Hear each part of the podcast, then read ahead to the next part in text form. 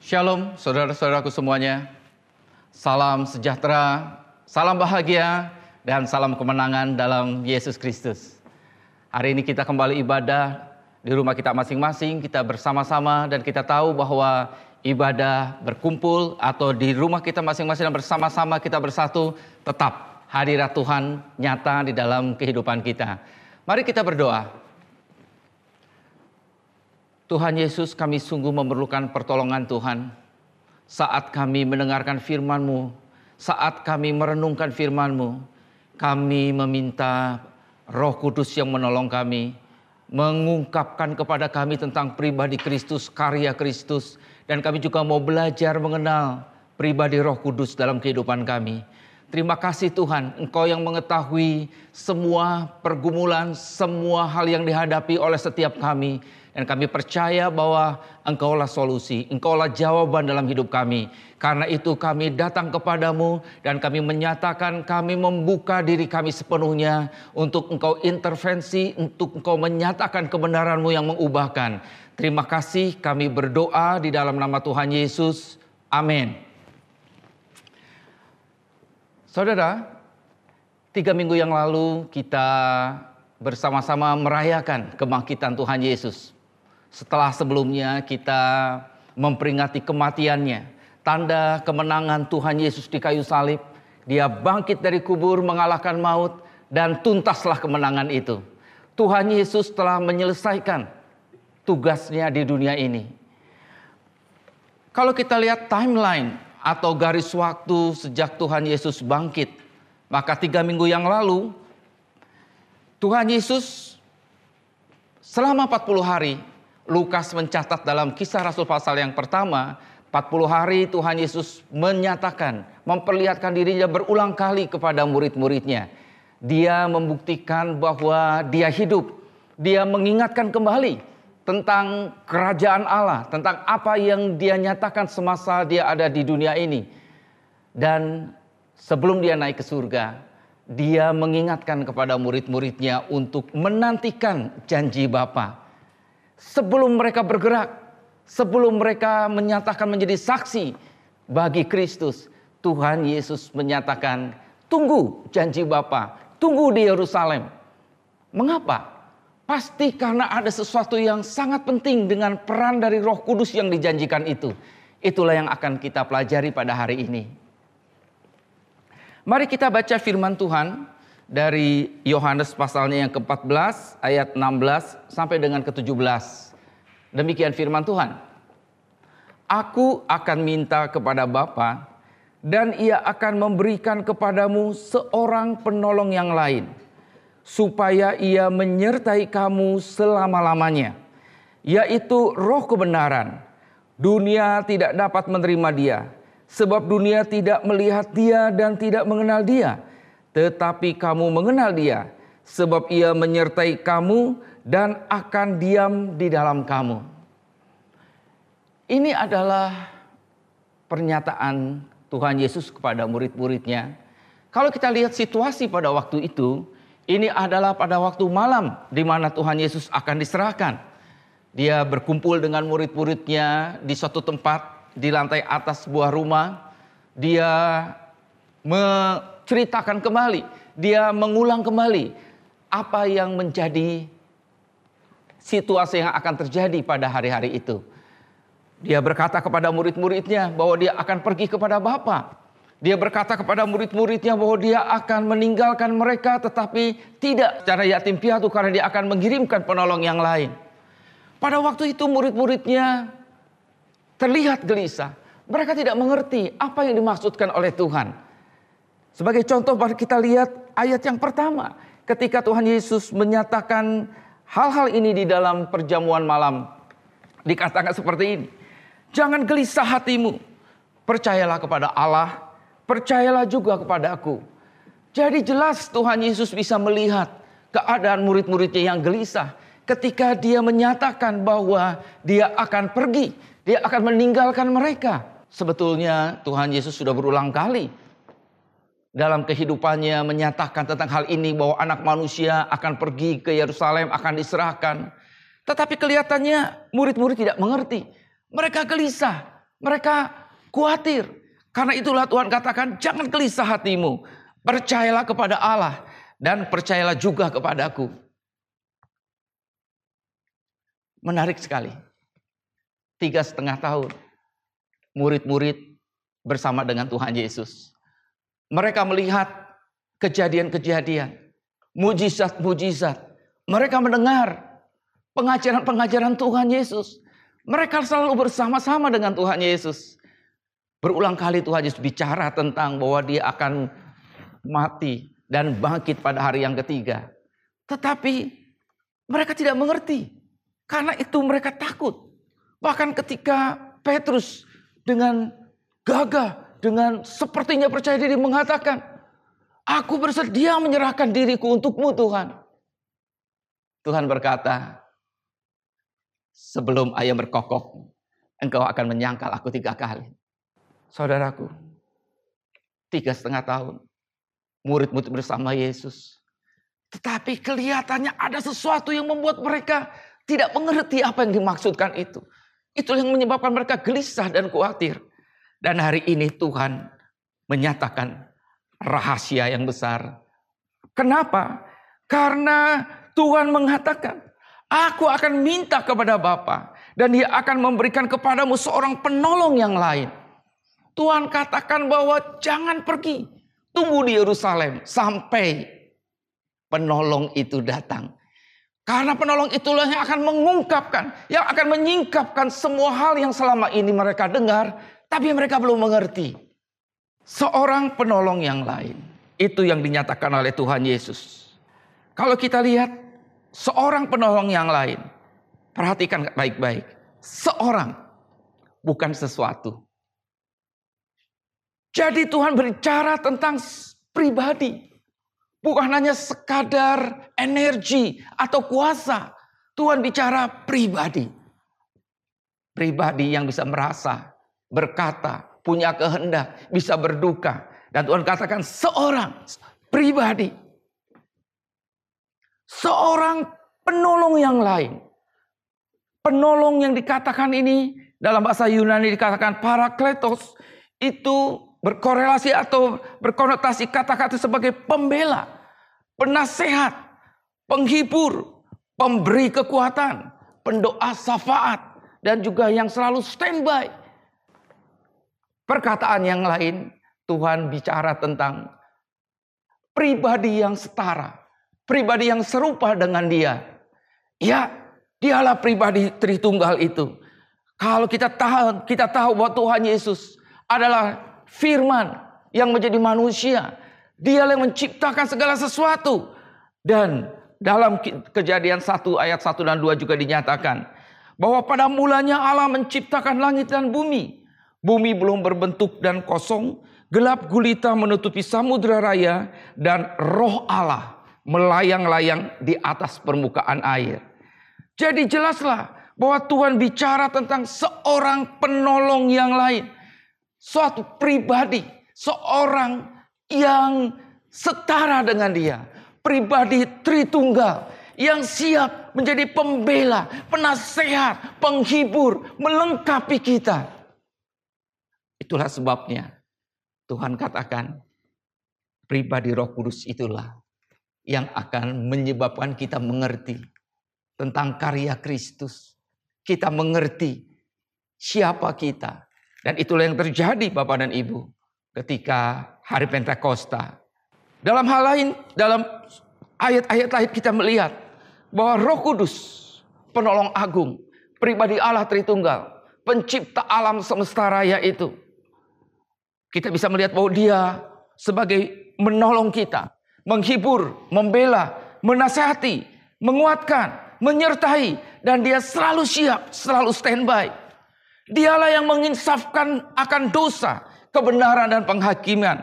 Dialah juga yang membantu kita berdoa. Dialah yang senantiasa bersaksi bersama dengan roh kita bahwa kita adalah anak Allah. Dialah yang mengajarkan segala sesuatu.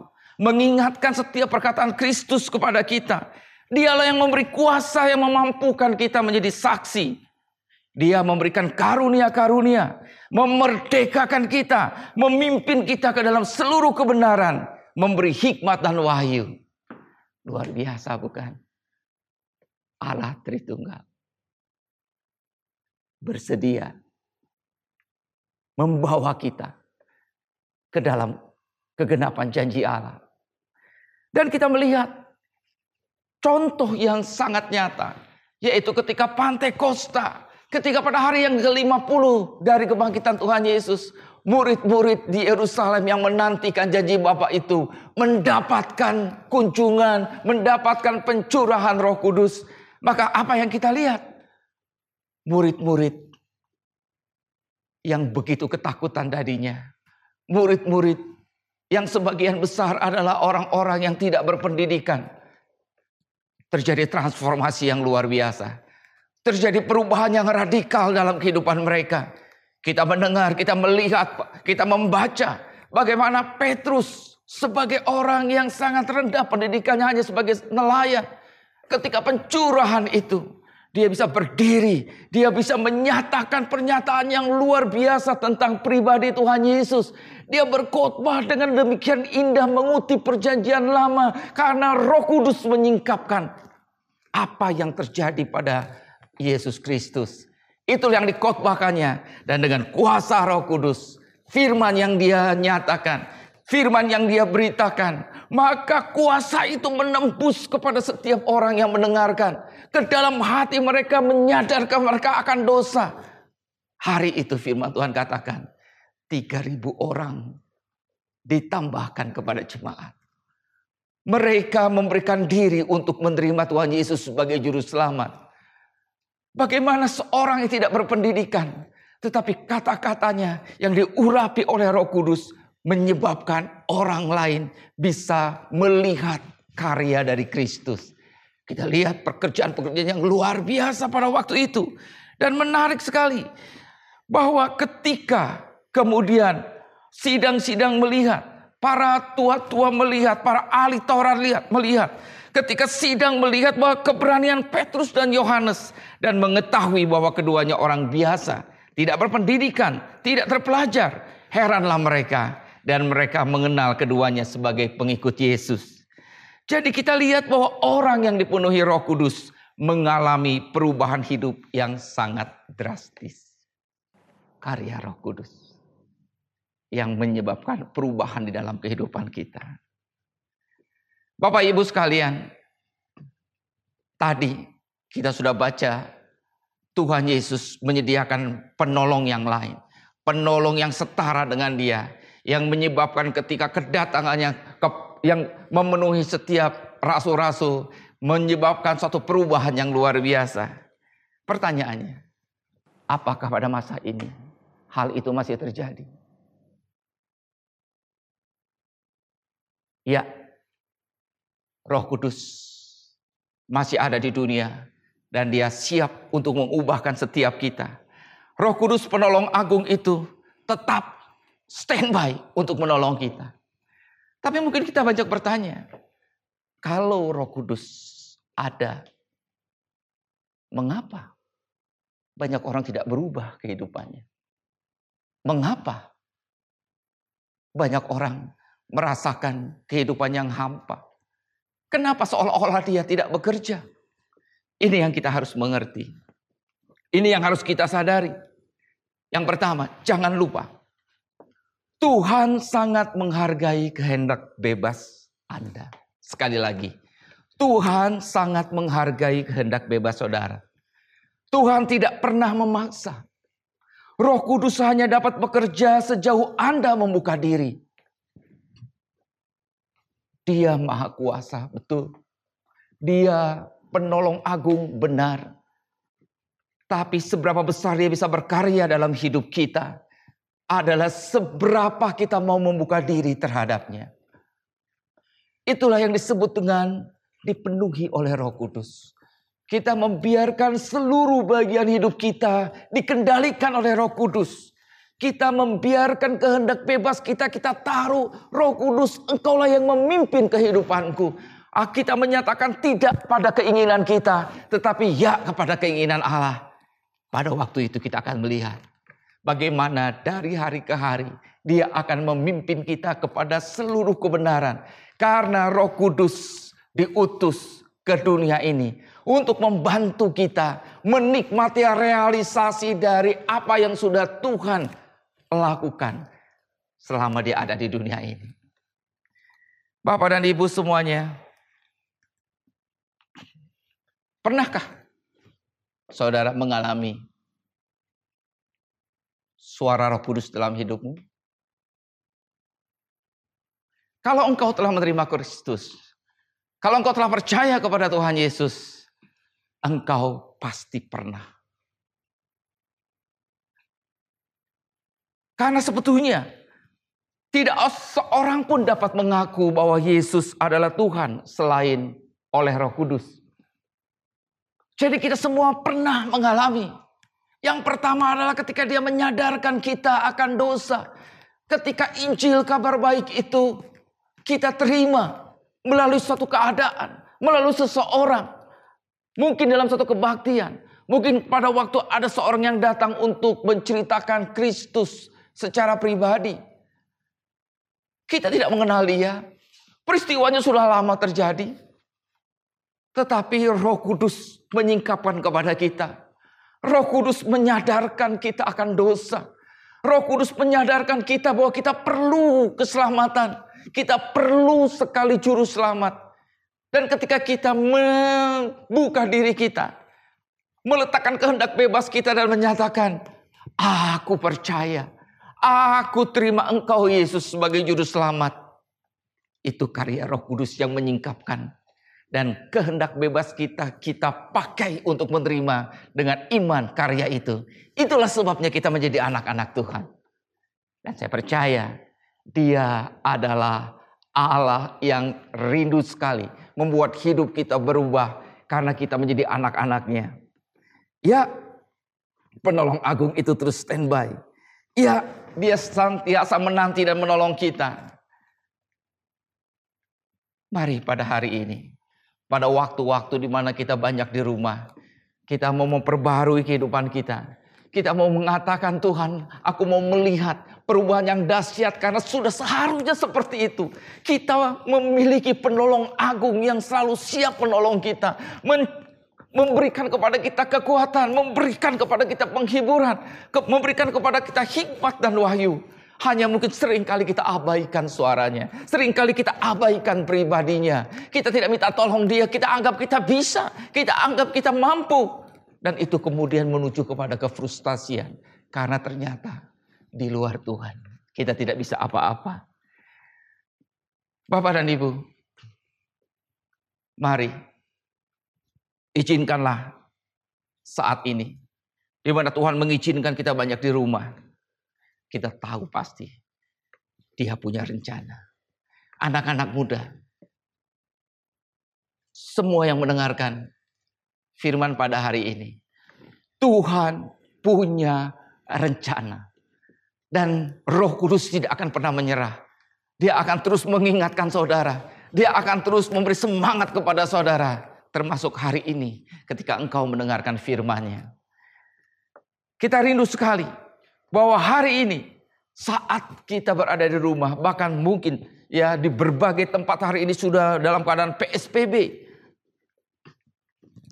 adanya suatu keadaan di mana kita secara sosial dibatasi. Tapi saya harap kita juga mengalami PSBB yang dari Tuhan. Adanya pembaharuan spiritual besar-besaran. Saya yakin selama ini Roh Kudus mengingatkan kita Roh Kudus ingin. Tapi mungkin kita terlalu sibuk hari ke hari. Rutinitas membuat kita mengabaikan suaranya. Rutinitas pekerjaan dari pagi sampai sore sampai malam. Seringkali kita abaikan suaranya. Tapi pada masa ini, mari kita bertekad. Terjadi pembaharuan spiritual besar-besaran dalam hidup kita. Apa yang harus kita lakukan? Sementara penolong agung itu menanti, mengulurkan tangan untuk bekerja bersama-sama dengan kita. Mari kita lakukan hal-hal ini saudaraku. Yang pertama, Sudahkah engkau tahu? Untuk apa engkau ada di dunia? Apa panggilanmu? Apa yang Tuhan ingin kau lakukan? Bidang apa yang Tuhan ingin engkau lakukan di dalam kehidupan ini? Inilah saatnya untuk cari tahu. Di area mana? Di gunung apa? Tidak semua dipanggil untuk ada di mimbar. Tidak semua dipanggil untuk full time dalam gereja. Tapi yang jelas kita semua dipanggil menjadi saksi-saksinya di mana pun kita berada. Paulus ketika dia berbicara kepada Timotius pada hari tuanya mengatakan, Aku telah mengakhiri pertandingan yang baik. Aku telah mencapai garis akhir dan aku telah memelihara iman. Pertandingan yang baik. Dia mengerti betul ada pertandingan yang baik bagi dia. Jangan-jangan selama ini kita bertanding bukan dalam pertandingan yang baik. Bukan dalam pertandingan yang Tuhan ingin kita lakukan. Rasul Paulus mengerti betul panggilannya. Dia katakan bahwa aku dipanggil untuk orang-orang non-Yahudi. Dan dia terus, dia fokus. Dia fokus kepada apa yang menjadi panggilannya. Kita mengerti bahwa Tuhan Yesus mengerti betul untuk apa dia datang ke dunia. Dia katakan anak manusia datang untuk mencari dan menyelamatkan yang terhilang. Untuk menjalankan misi dari Bapaknya. Sekali lagi, apa yang menjadi panggilanmu? Apa yang Tuhan ingin kau lakukan? Pasti tidak pernah kebetulan dengan semua talenta, dengan karunia yang Tuhan berikan dan kesempatan-kesempatan yang Tuhan berikan. Inilah saatnya, saat yang baik bagi kita untuk mencari tahu apa yang menjadi panggilan hidup kita. Rasul Paulus ketika dia mengerti panggilan dia. Maka firman Tuhan katakan, dia katakan semua yang lain dia anggap sampah. Tapi panggilan itu yang terus menjadi pendorong hidupnya.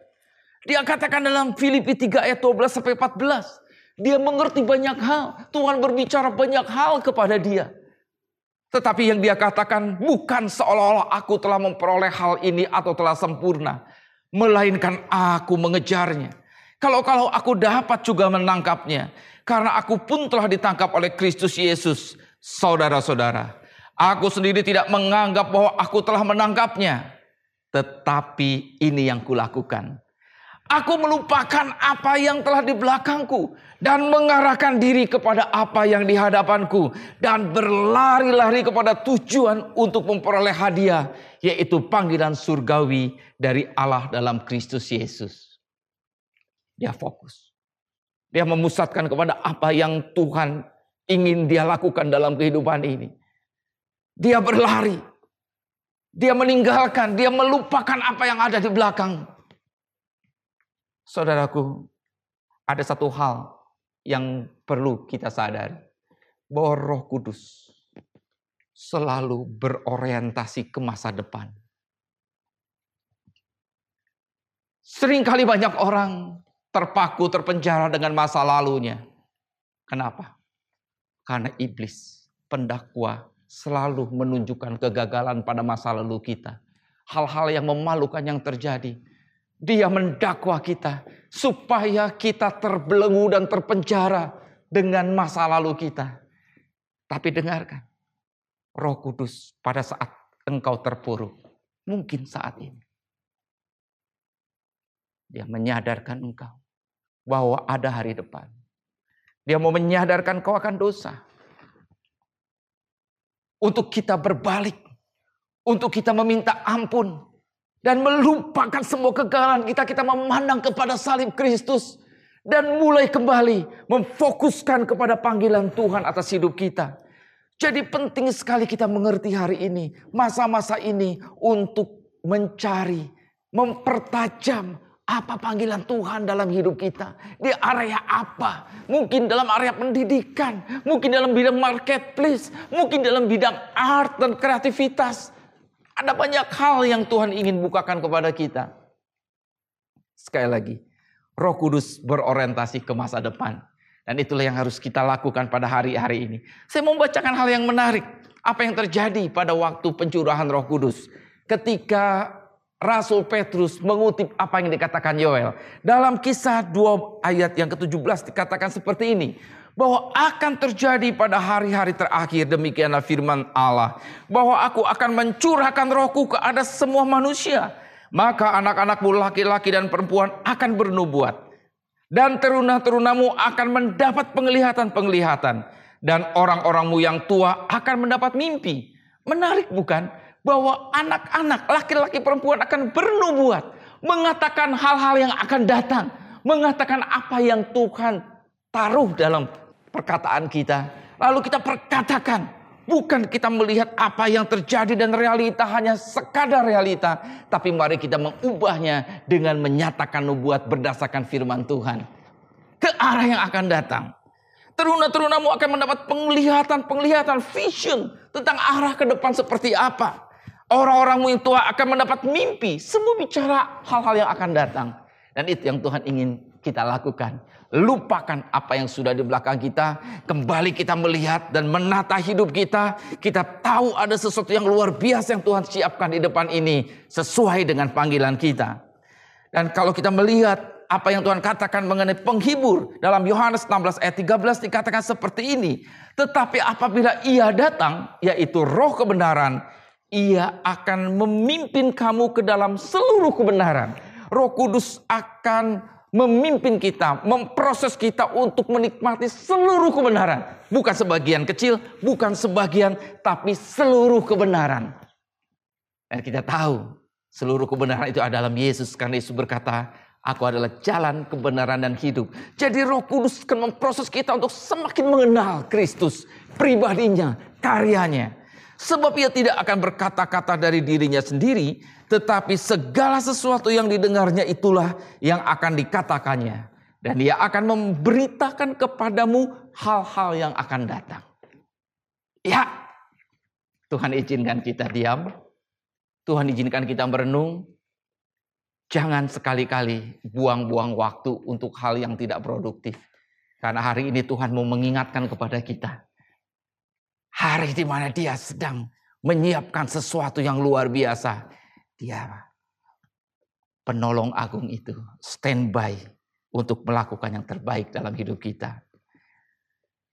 Jadi selama masa-masa kita stay at home ini, saya menganjurkan kita untuk melihat area-area di mana Tuhan ingin membuat kita semakin tajam. Saya teringat sebuah buku yang sangat memberkati yang ditulis oleh Rick Warren yaitu The Purpose Driven Life ya dia menyatakan dan kita setuju semua bahwa Tuhan tidak pernah kebetulan menangkap saudara. Membuat saudara ada di dunia ini. Dia punya tujuan bagi kita semua. Yang pertama, dia ingin kita tahu bahwa kita dirancang untuk kesukaan Allah. Inilah saatnya di mana kita meminta Roh Kudus untuk kita boleh masuk ke dalam satu hubungan dalam dimensi yang lebih tinggi lagi. Tidak hanya sekedar ibadah. Tidak hanya sekedar berdoa. Tapi tahukah kita bahwa di mata Tuhan pribadi kitalah yang paling disukainya. Bagi saya sebagai orang tua tidak ada hal yang terlebih dirindukan dan terlebih indah dibandingkan dengan berkumpul dengan anak-anak. Menikmati celotehannya, menikmati curhatnya. Begitu juga Tuhan. Kita adalah kesukaannya. Mari kita minta roh kudus membawa kita di dalam penyembahan yang benar di mana kita bisa menikmati hadiratnya. Ada banyak waktu, dedikasikan waktu itu untuk kita menyembah dia. Menikmati dia, berkomunikasi dengan dia. Dalam doa, dengan penyembahan, dalam hubungan yang luar biasa. Saya percaya ada sesuatu yang roh kudus siapkan. Yang tidak pernah kita rasakan sebelumnya. Yang kedua kita perlu ingat bahwa kita dibentuk untuk menjadi keluarga Allah bahwa kita dimasukkan bukan hanya sebagai satu pribadi, tetapi sebagai satu keluarga. Di mana kita bersama-sama bergandengan tangan, saling menguatkan, saling memberikan pelayanan. Yang ketiga kita diciptakan untuk menjadi serupa dengan Kristus. Perubahan kehidupan. Berubah di dalam segala hal sehingga kita memperlihatkan buah-buah roh. Buah-buah roh bicara mengenai hasil hubungan kita dengan roh kudus kita berubah. Yang keempat kita dibentuk untuk melayani Allah melalui potensi yang Tuhan berikan. karunia-karunia, talenta-talenta. Hari-hari ini bawa kepada Tuhan. Tanya kepada Roh Kudus, apa bidang yang Tuhan siapkan? Saya mendorong anak-anak muda. Mungkin Roh Kudus akan mendorong kalian untuk mulai mempelajari coding, untuk mempelajari mungkin sebuah tentang video. Belajar bahasa Inggris bersama-sama. Siapkan dirimu. Belajar bahasa-bahasa lain. Hari ini begitu banyak aplikasi yang bisa kita gunakan secara gratis. Ayo anak-anak muda. Kobarkan apa yang Tuhan berikan, apa yang kau sukai. Mulai lakukan. Mulai berlatih. Dan yang kelima, kita semua diciptakan untuk sebuah misi. Yaitu menjadi saksi Kristus. Dalam perkataan, dalam karya nyata. Lima area ini kita bawa kepada Tuhan supaya pada waktu-waktu ini kita bisa semakin tajam dan kita tahu betul apa yang Tuhan ingin kita lakukan dalam kehidupan ini. Izinkan saya bersaksi, sharing tentang kehidupan saya. Sejak muda, sejak tahun 80 saya melayani Tuhan sebagai anak muda pada waktu itu umur 17 18 tahun. Bersyukur pada tahun 92 Tuhan melalui perenungan dan peristiwa-peristiwa saya mengerti panggilan saya adalah dalam dunia pendidikan. Sejak saya tahu. Saya bisa fokus. Saya bisa menggali. Dan yang menarik adalah Tuhan mengatur. Sehingga apa yang menjadi panggilannya. Menjadi sukacita saya dan juga bisa maksimal di dalam kehidupan saya.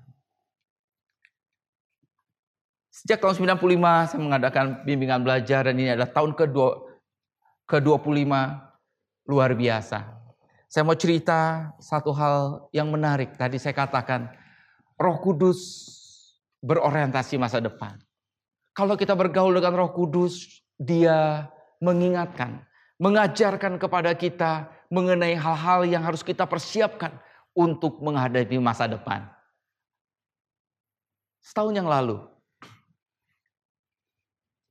dalam dunia pendidikan terutama bimbingan belajar itu merupakan hal yang sangat banyak perubahannya.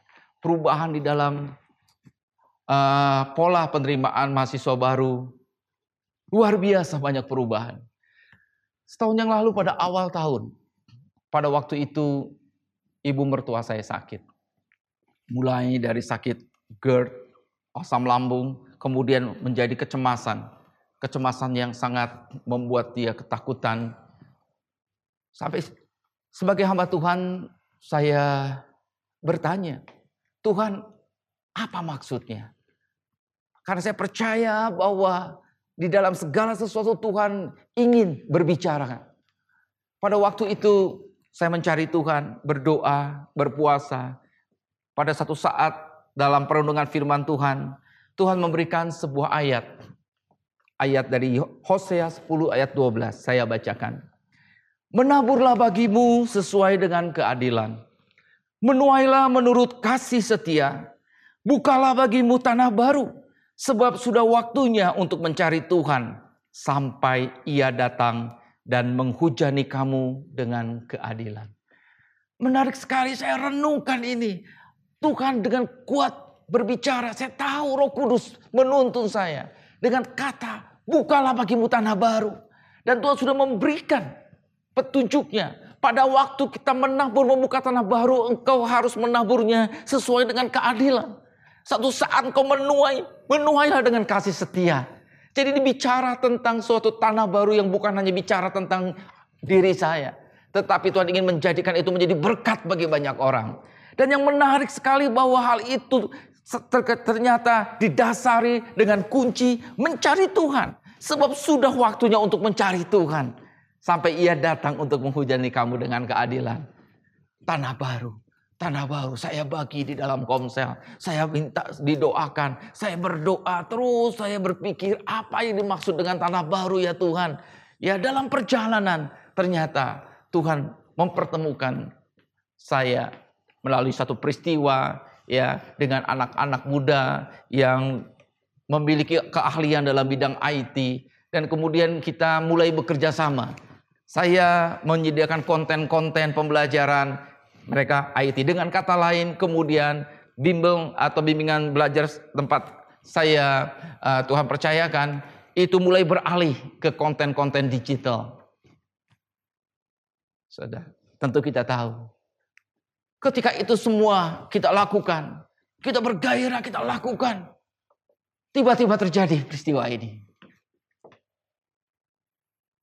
Bimbel tidak bisa lagi dilakukan secara tatap muka. Menarik bukan? Ternyata Tuhan telah menuntun setahun sebelum itu. Sehingga ketika kejadian ini terjadi, kami sudah siap dengan konten-kontennya. Kami sudah siap. Saya bilang, Tuhan luar biasa. Engkau sempurna. Engkau tahu apa yang akan terjadi akan datang.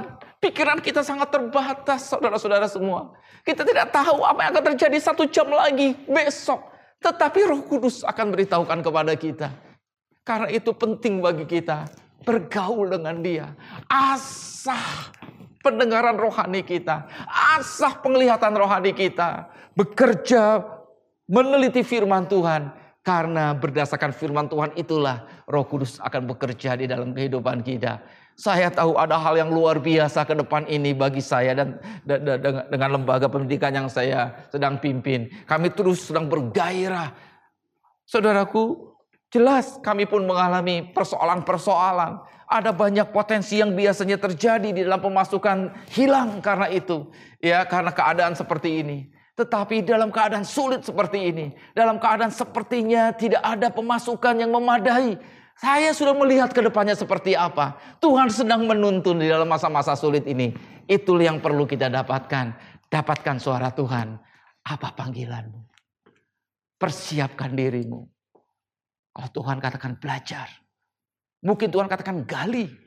Bisa jadi Tuhan mengingatkan kepada kita sesuatu yang biasa kita lakukan yang sepilih sepertinya. Mungkin seorang ibu akan berpikir, oh dulu saya punya resep membuat atau membuat sambal. Ya itu pernah terjadi. Dan kemudian dia mulai membuat sambal. Dia bisa kemudian sekarang bisa menjadi produsen sambal yang luar biasa. Hanya sambal mungkin bisa menjadi satu berkat bagi bangsa ini. Mungkin kau bisa membuat jamu. Racikan dari berbagai macam temulawak dan lain-lain kemudian. Engkau bisa bungkus dan bisa menjadi berkat. Bisa. Lima roti dan dua ekor ikan yang dipersembahkan kepada Tuhan. Menjadi berkat bagi ribuan orang. Engkau bisa menjadi berkat. Karena memang engkau disiapkan untuk menjadi berkat bagi bangsa ini. Mari kita berpikir besar. Lihat hal yang luar biasa yang Tuhan siapkan bagi kita. Anak-anak muda mulai gali potensimu, mulai berkarya menjadi berkat. Mungkin kau akan menciptakan lagu-lagu lewat lewat dari lewat online. Engkau menciptakan juga video-video. Ayo lakukan. Lakukan. Roh Kudus menuntun kau, andalkan dia. Beri ruang sepenuhnya kepada Roh Kudus. Dan saya harap saat kita mengingat kembali masa-masa ini, Masa-masa yang paling terkenal dengan kata COVID. Tapi kita akan buat COVID itu menjadi masa di mana C, creativity kita tergali. O, opportunity, peluang-peluang akan muncul. V, ada visions, arah ke mana, bagaimana kita bergerak. I, integrity, kita siapkan integritas, the truth, kita melakukan proses ini dengan berdasarkan firman Tuhan. Dan yang terakhir, dignity. Kita punya martabat, kehormatan sebagai anak-anak Tuhan. Terakhir Bapak dan Ibu, saudara-saudaraku semua, anak-anak muda, saya mengingatkan kembali bahwa kita orang-orang yang ditebus begitu luar biasa sehingga Allah Tritunggal bersedia selalu menyiapkan untuk menolong kita, untuk mengajarkan kita segala sesuatu, untuk memberikan yang terbaik dalam kehidupan kita. Amin. Ada masa depan yang luar biasa. Ada masa-masa yang hebat. Ayo bersemangat dalam Tuhan. Ayo saling tolong menolong dalam keluarga Allah. Ayo berikan yang terbaik. Semangat, positif dengan Tuhan. Maka kita melihat masa depan selalu ada bagi setiap orang yang berharap kepadanya. Amin Bapak dan Ibu. Demikian firman Tuhan hari ini. Dan pada saat ini saya ingin sebelum kita akhiri, mungkin ada saudara yang saat ini mengikuti ibadah online ini. Tapi engkau belum yakin. Ke mana engkau kalau nanti Tuhan memanggilmu?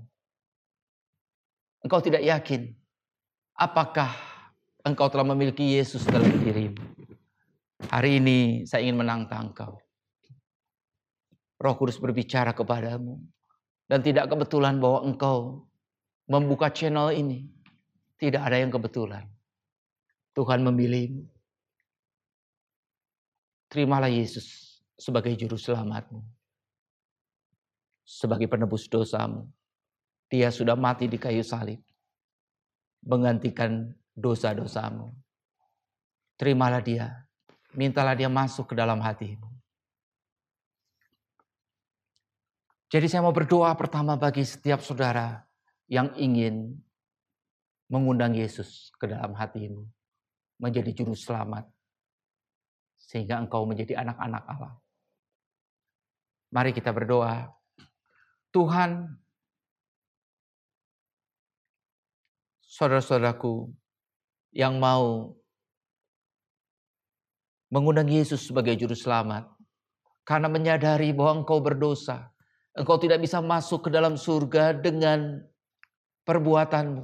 Engkau memerlukan juru selamat. Tuhan, Yesus Kristus mengasihimu. Undanglah dia masuk ke dalam hatimu. Mintalah, Yesus, aku percaya bahwa engkau mati di kayu salib untuk menebus dosaku, Masuklah ke dalam hatiku, sucikanlah aku dari segala dosa dan kesalahanku. Di dalam nama Tuhan Yesus. Dan hari ini juga saya mau berdoa bagi saudaraku semua. Untuk kita boleh punya pengalaman yang baru bersama dengan roh kudus. Supaya kita mengerti, menyembah dan menikmati hadirat Tuhan. Bersama di dalam keluarga Allah. Kita terus berproses untuk menjadi serupa dengan Tuhan Yesus kegagalan, kesalahan tidak pernah menggagalkan dan menghancurkan jaminan Tuhan Yesus atas hidup kita. Kalau kita berbalik, kalau kita meminta ampun kepada Tuhan, Dia akan memperbarui kita kembali. Dan juga mari kita melayani Dia dengan apa yang ada di dalam kehidupan kita. Dan terus kita menjadi saksi Kristus. Hari ini mungkin kau sedang dalam keadaan sulit dalam pekerjaan, dalam ekonomi, kau tidak tahu apa yang harus kau lakukan. Mari kita berdoa. Tuhan Yesus dalam masa-masa ini, hamba berdoa supaya hikmat yang dari Tuhan kreativitas dan ide-ide yang luar biasa dari Tuhan kau taruhkan dan semangat yang dari Tuhan. Engkau berikan kuasa dari tempat yang maha tinggi membuat setiap anak-anakmu boleh memandang kepada penolong agung itu dan membuka diri. Roh kudus kau yang mengintervensi setiap anak-anakmu yang membuka diri kepadamu. Kami percaya terjadi satu hal yang luar biasa. Engkau membuka jalan karena engkau adalah jalan kebenaran dan kehidupan. Terima kasih Tuhan kami percaya tidak ada yang mustahil bagi orang yang percaya. Engkau yang membuat kami mengerti setiap panggilan kami. Apa yang menjadi kerinduanmu pada setiap saudaraku di tempat ini Tuhan. Yang menyaksikan dan beribadah pada hari ini. Berbicaralah Berbicaralah ya Tuhan. Terima kasih Tuhan, terima kasih. Terima kasih kami mau memandang hari-hari ini sebagai hari-hari yang penuh dengan keberkatan. Mari kita angkat kedua belah tangan kita. Dan saat ini, turunlah berkat atasmu. Dalam nama Bapa, kasih karunia dari Tuhan Yesus Kristus dan penghiburan, kekuatan, pertolongan dari roh kudus menyertai engkau di mana pun kau berada. Kau akan melihat perkara-perkara yang luar biasa terjadi.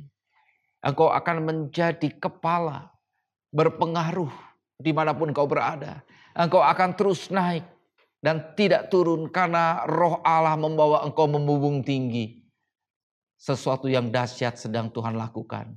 Terlindunglah semua keluargamu daripada segala hal yang buruk, daripada segala virus-virus. Kami berdoa di dalam nama Yesus pelindungan dari tempat yang maha tinggi. Tuhan juga berikan hikmat akal budi untuk setiap engkau menjaga diri sepenuhnya di dalam kuat kuasa roh kudus. Engkau menjadi saksi yang heran. Engkau menjadi saksi yang efektif. Karena roh kudus menyertai kau di mana pun kau berada. Dari saat ini sampai Maranatha Tuhan Yesus datang yang kedua kali. Di dalam nama Tuhan Yesus. Amin. Puji Tuhan, Tuhan memberkati.